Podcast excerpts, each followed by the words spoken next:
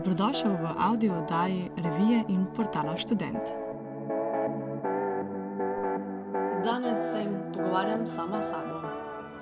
Pobrskala sem za nekaj miti, teorijami zarote, o malce svežih, novih informacijah o koronavirusu. Povedala ti bom pa tudi, kako se po dveh mesecih po okužbi počutim jaz.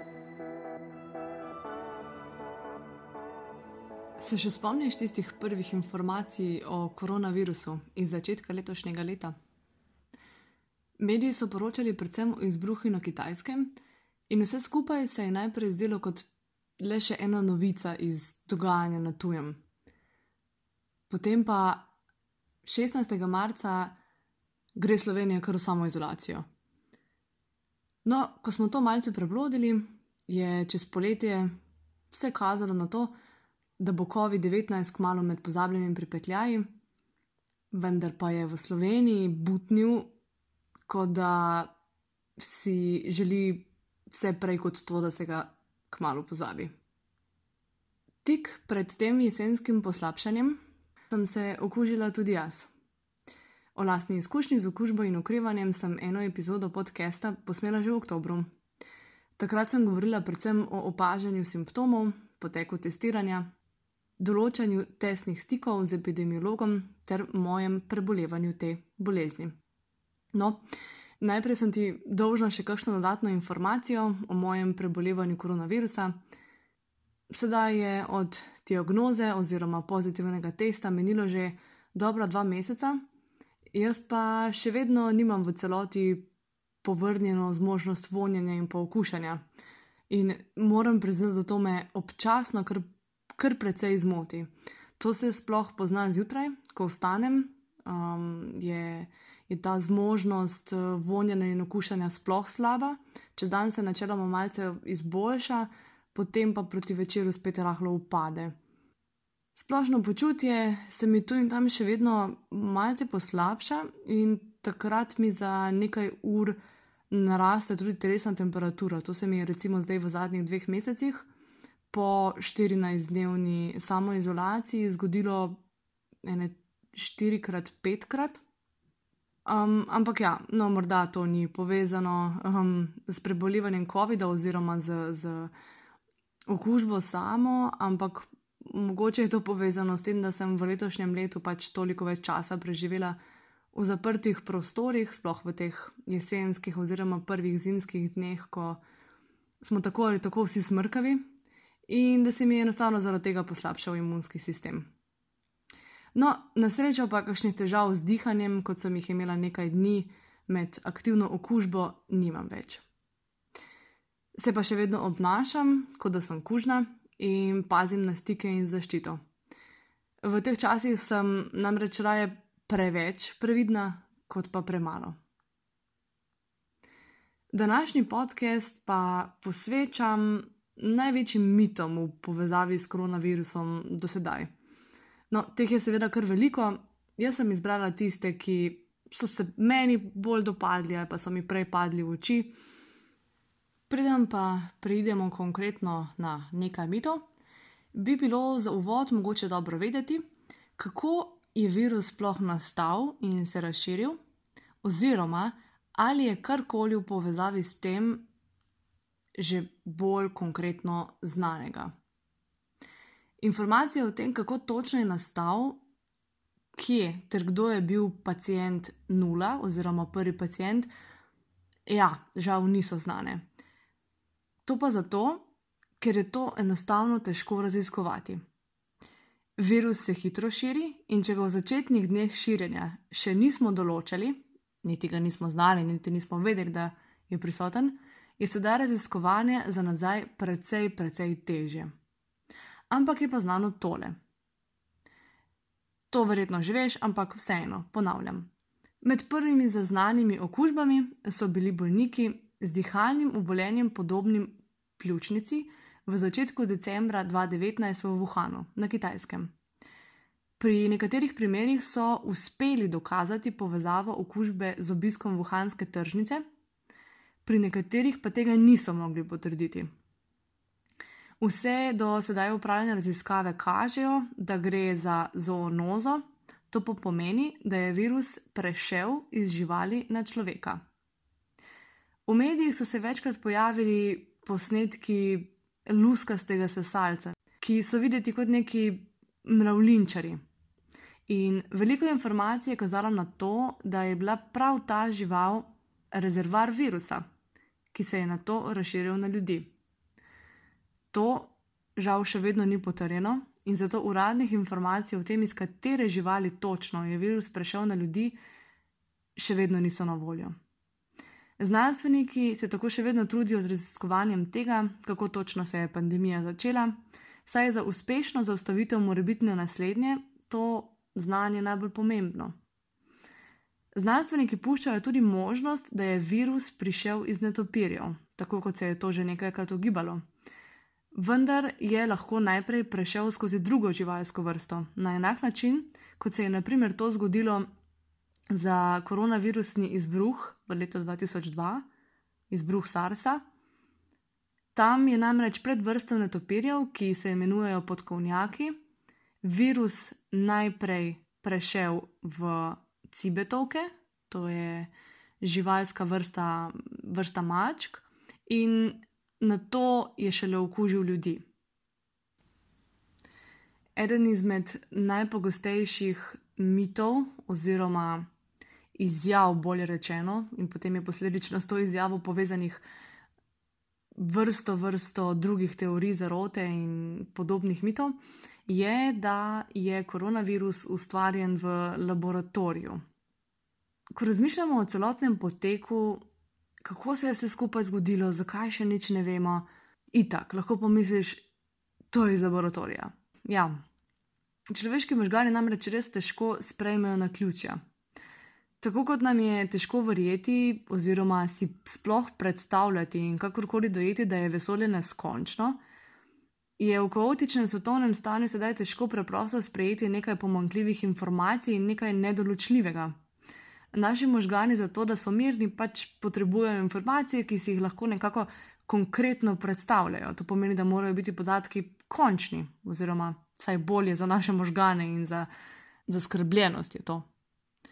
Dejstvo je, da so taki in še mnogi drugi virusi v živalskem svetu nenehno prisotni. Velike tržnice, kjer se živali različnih vrst med seboj lahko srečajo oziroma spopadajo ali kakorkoli drugače pridejo v kontakt, in kjer se trguje z zaščitenimi ali pa kako drugače prepovedanimi živalskimi vrstami, in kjer je za higieno ter rokovanje v živili v splošnem slabše poskrbljeno, so nažalost tudi veliko tveganje za prehod virusov iz živali na ljudi. In to se zaenkrat sklepa, da se je zgodilo na tržnici v Wuhanu. Torej, ne iz laboratorija. Najverjetneje. Eden izmed pogostih mitov oziroma napačnih informacij je tudi ta, da z masko lahko okužiš sam sebe, ali pa ta, da je pri nošnji maske problem oglikov dioksid. Um, ja, kje začeti? Kako, kako bi sploh lahko z masko okužil sam sebe? Mislim, načeloma bi bilo možno, da, da maske ne uporabljaš pravilno in jo nosiš v nekem zelo okuženem prostoru, in potem, ko jo snameš, jo ne vem, daš v usta ali fajn poližeš zunanji del. Skratka, res bi mogel imeti nesrečo, da bi se okužil na ta način, niti približno pa ni logično razmišljati o tem, da lahko sebe ponovno okužiš, če si enkrat že okužen. To, to nima smisla. Kar se pa tega CO2 oziroma oglikovega dioksida tiče, pa tukaj v bistvu neka osnovna fizika zelo lepo razloži ta limit kisik in oglikov dioksid med dihanjem zlahka prehajata čez zaščitno masko. Vlakna kirurških mask, na primer, so od 1000 do 10.000 krat večja od molekul kisika in oglikovega dioksida, luknjice med vlakni pa so še večje. Dokler je mogoče skozi masko dihati, z izdihom iz maske spravimo ven tudi oglikov dioksid. Tako da ne ne, ne more ti maska predstavljati kakršnih koli težav zaradi oglikovega dioksida. Mitov povezanih z maskami je kar precej. Eden izmed uh, bolj razširjenih, predvsem v prvem valu, je bil, da pač maska pri zaščiti ne pomaga. Absolutno, maska pomaga in da veš, kako se najbolje zaščititi, moraš pač vedeti, kako se virus prenaša in kaj sploh je. Če morda tega še nisi prebiral, raziskoval, ti bo ta informacija lahko zanimiva. Torej, kaj sploh virus pravzaprav je?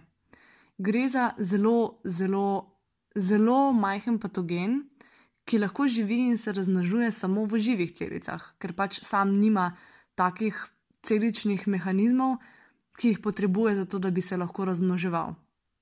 Iz okužene osebe na drugo osebo se prenaša kapljično in pač po zraku. Kapljično pomeni, da je to predvsem takrat, ko kihaš, govoriš, kašljaš in podobno. Ker se nekaj časa obdrži tudi na površinah, je pa poleg zaščite dihalnih poti, ust in nosu, treba biti previden tudi pri higieni rok. Nedavne raziskave so ocenjevale preživetje koronavirusa na različnih površinah in poročale, da lahko virus ostane do 72 ur na plastiki in nerjavečem jeklu, do 4 ure na bakru in do 24 ur na kartonu. To si morda že kje zasledil, ampak najpomembneje pri interpretaciji takih raziskav je povedati to, da so navadno izvedene v laboratorijskih pogojih, ki so pa precej, precej drugačni tistim, ki jih imamo v realnem okolju. Zato je pač rezultate takih raziskav potrebno jemati z rezervo. Ok, torej maska, uredno umivanje in po potrebi razkoževalno rok, kaj še manjka? Socialna distanca, ker pač to je edino, kar te obvaruje pred tem, da te nekdo drug ne popljuva, ali pa da pač ti ne popljuvaš njega in ga s tem, s tem okužiš. Pa morda še en nasvet pri higieni rok kadar imaš roke vidno umazane, si jih raje, če imaš možnost, najprej operi z vodo in milom, in šele na to, šele na to uporabi razkožilo. Namreč, če gre za neke vidne delce umazanije na tvojih rokah, je lahko razkožilo precej, precej manj učinkovito, to ti pa lahko da lažen občutek varnosti. Potem pa nove pogruntavščine in miti o prehranskih dopolnilih. Sploh v zadnjem času, v tem drugem valu, lahko pogosto zaslediš informacije o tem, da naj bi določena prehranska dopolnila pomagala pri prečevanju okužbe ali pa pri zdravljenju bolezni oziroma posameznih simptomov obolenja COVID-19. Pri tem ne gre za nobene posebne nove pogruntavščine. Eh, dejstvo je, da so uravnotežena prehrana, primerna količina spanca in telesne dejavnosti glavni temelj tvojega imunskega sistema. Če ti kakšen vitamin, mineral primankuje že odprej, pa tega ne veš, in so bili recimo tudi tvoji krvni in drugi zdravstveni izvidi ok, potem je to to. Ne potrebuješ sedaj kupiti gore nekih dodatkov samo zato, ker te je strah, da boš zbolel, oziroma obstaja možnost, da boš zbolel za COVID-om, ali pa si mogoče celo že zbolel. Dejstvo je, da naprimer vitamina D primankuje marsikomu v splošni populaciji, ne glede na to, kakšne prehranske navade ima in kakšen je njegov življenjski slog. Dodajanje tega vitamina, torej vitamina D, tako ni priporočljivo samo zdaj v času koronavirusa, ampak nasploh katerega koli leta v jesenskih in zimskih dneh, ko je sonca res malo. Še vedno pa velja pravilo, da se je manja prehranskih dodatkov loti načrtovano. Če rabiš dodatne informacije, se obrni na farmacevta v lekarni ali pa svojega osebnega zdravnika. Tudi izbire ponudnika prehranskih dodatkov se loti z razumom. Ne nakupi kar tistih prvih, ki ti jih ponuja oglas na Google. Nakup v lekarni ali v specializirani trgovini je morda lahko precej bolj varen kot pa nakup preko spleta iz neke pomankljive spletne strani. Ok, naslednji mit. Pred nekaj dnevi naj bi neka gospa na Facebooku za komentar na članek objavljen na spletni strani Health and Money News prosila slovenskega ginekologa. Članek je govoril o sterilizaciji populacije po cepljenju in to gospo je zanimalo, če je s to sterilizacijo mišljena neplodnost.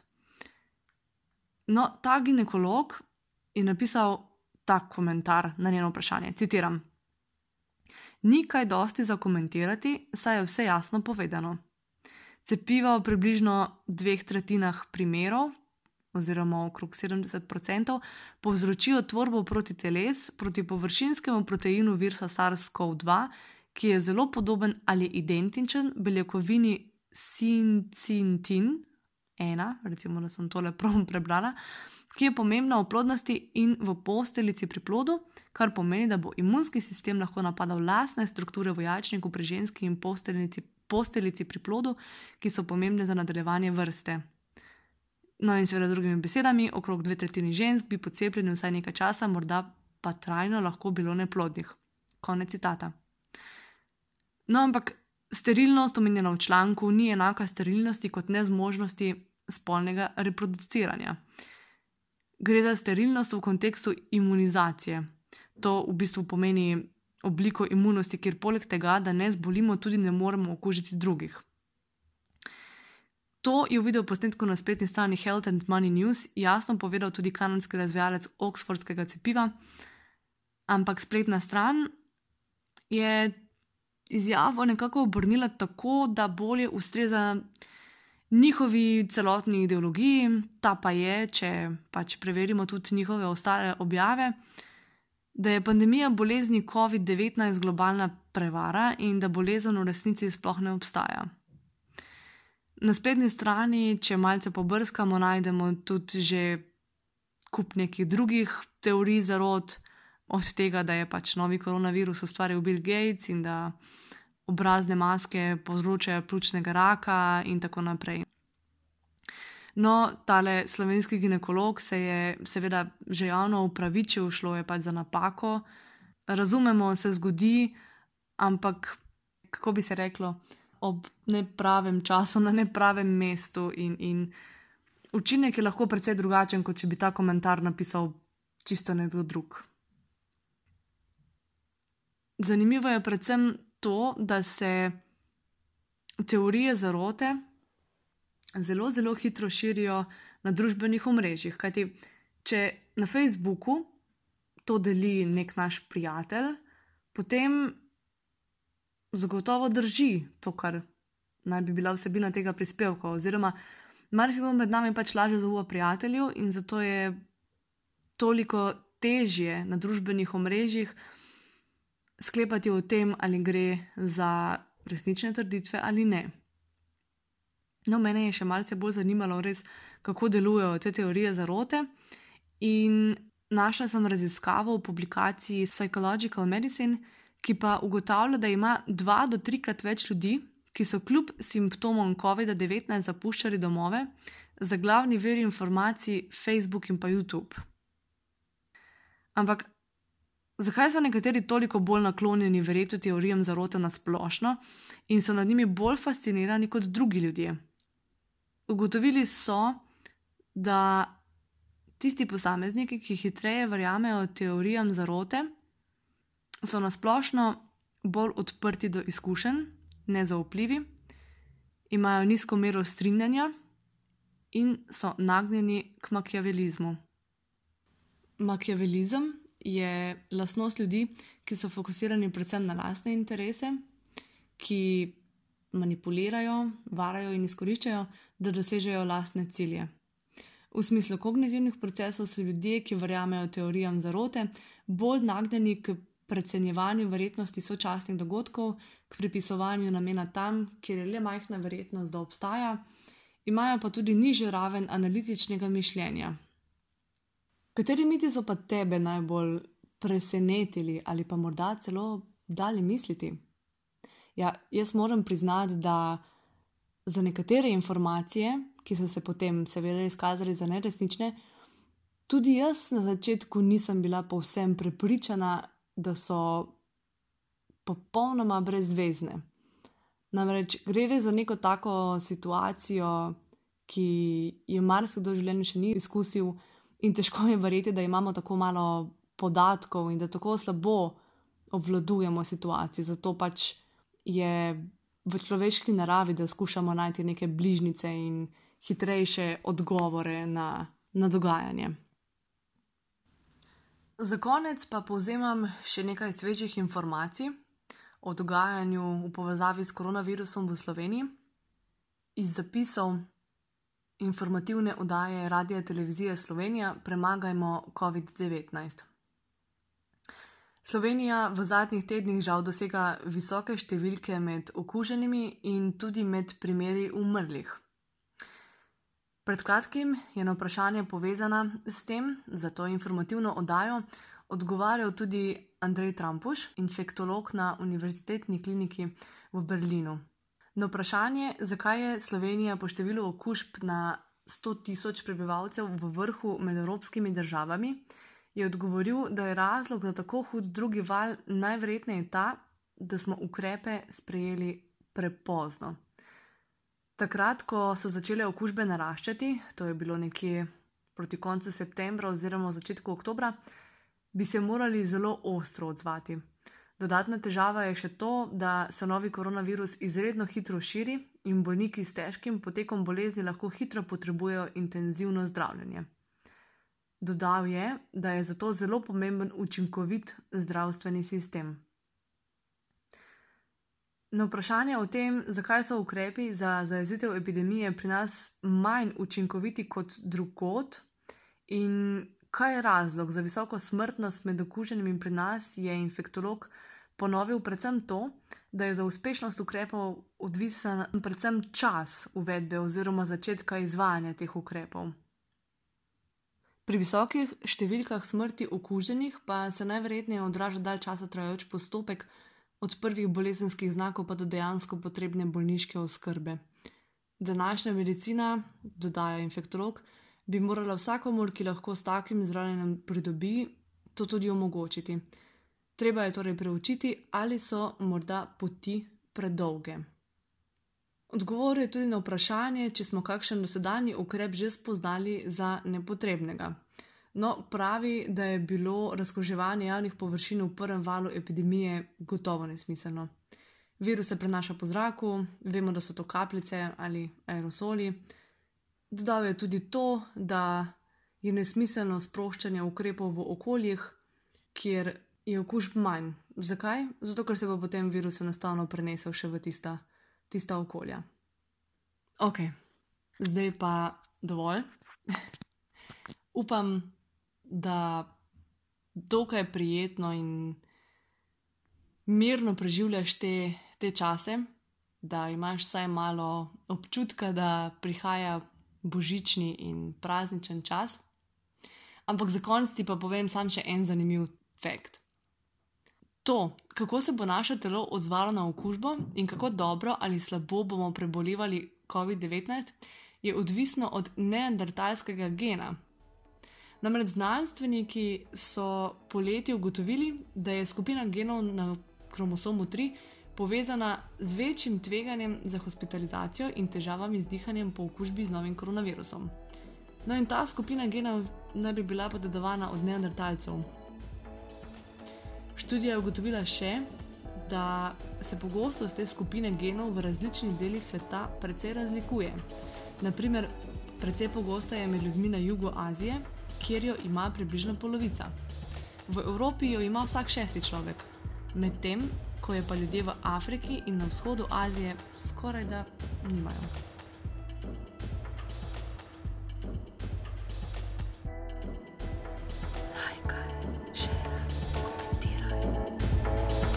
in nam povej, kaj bi rad slišal v prihodnih audiodajah.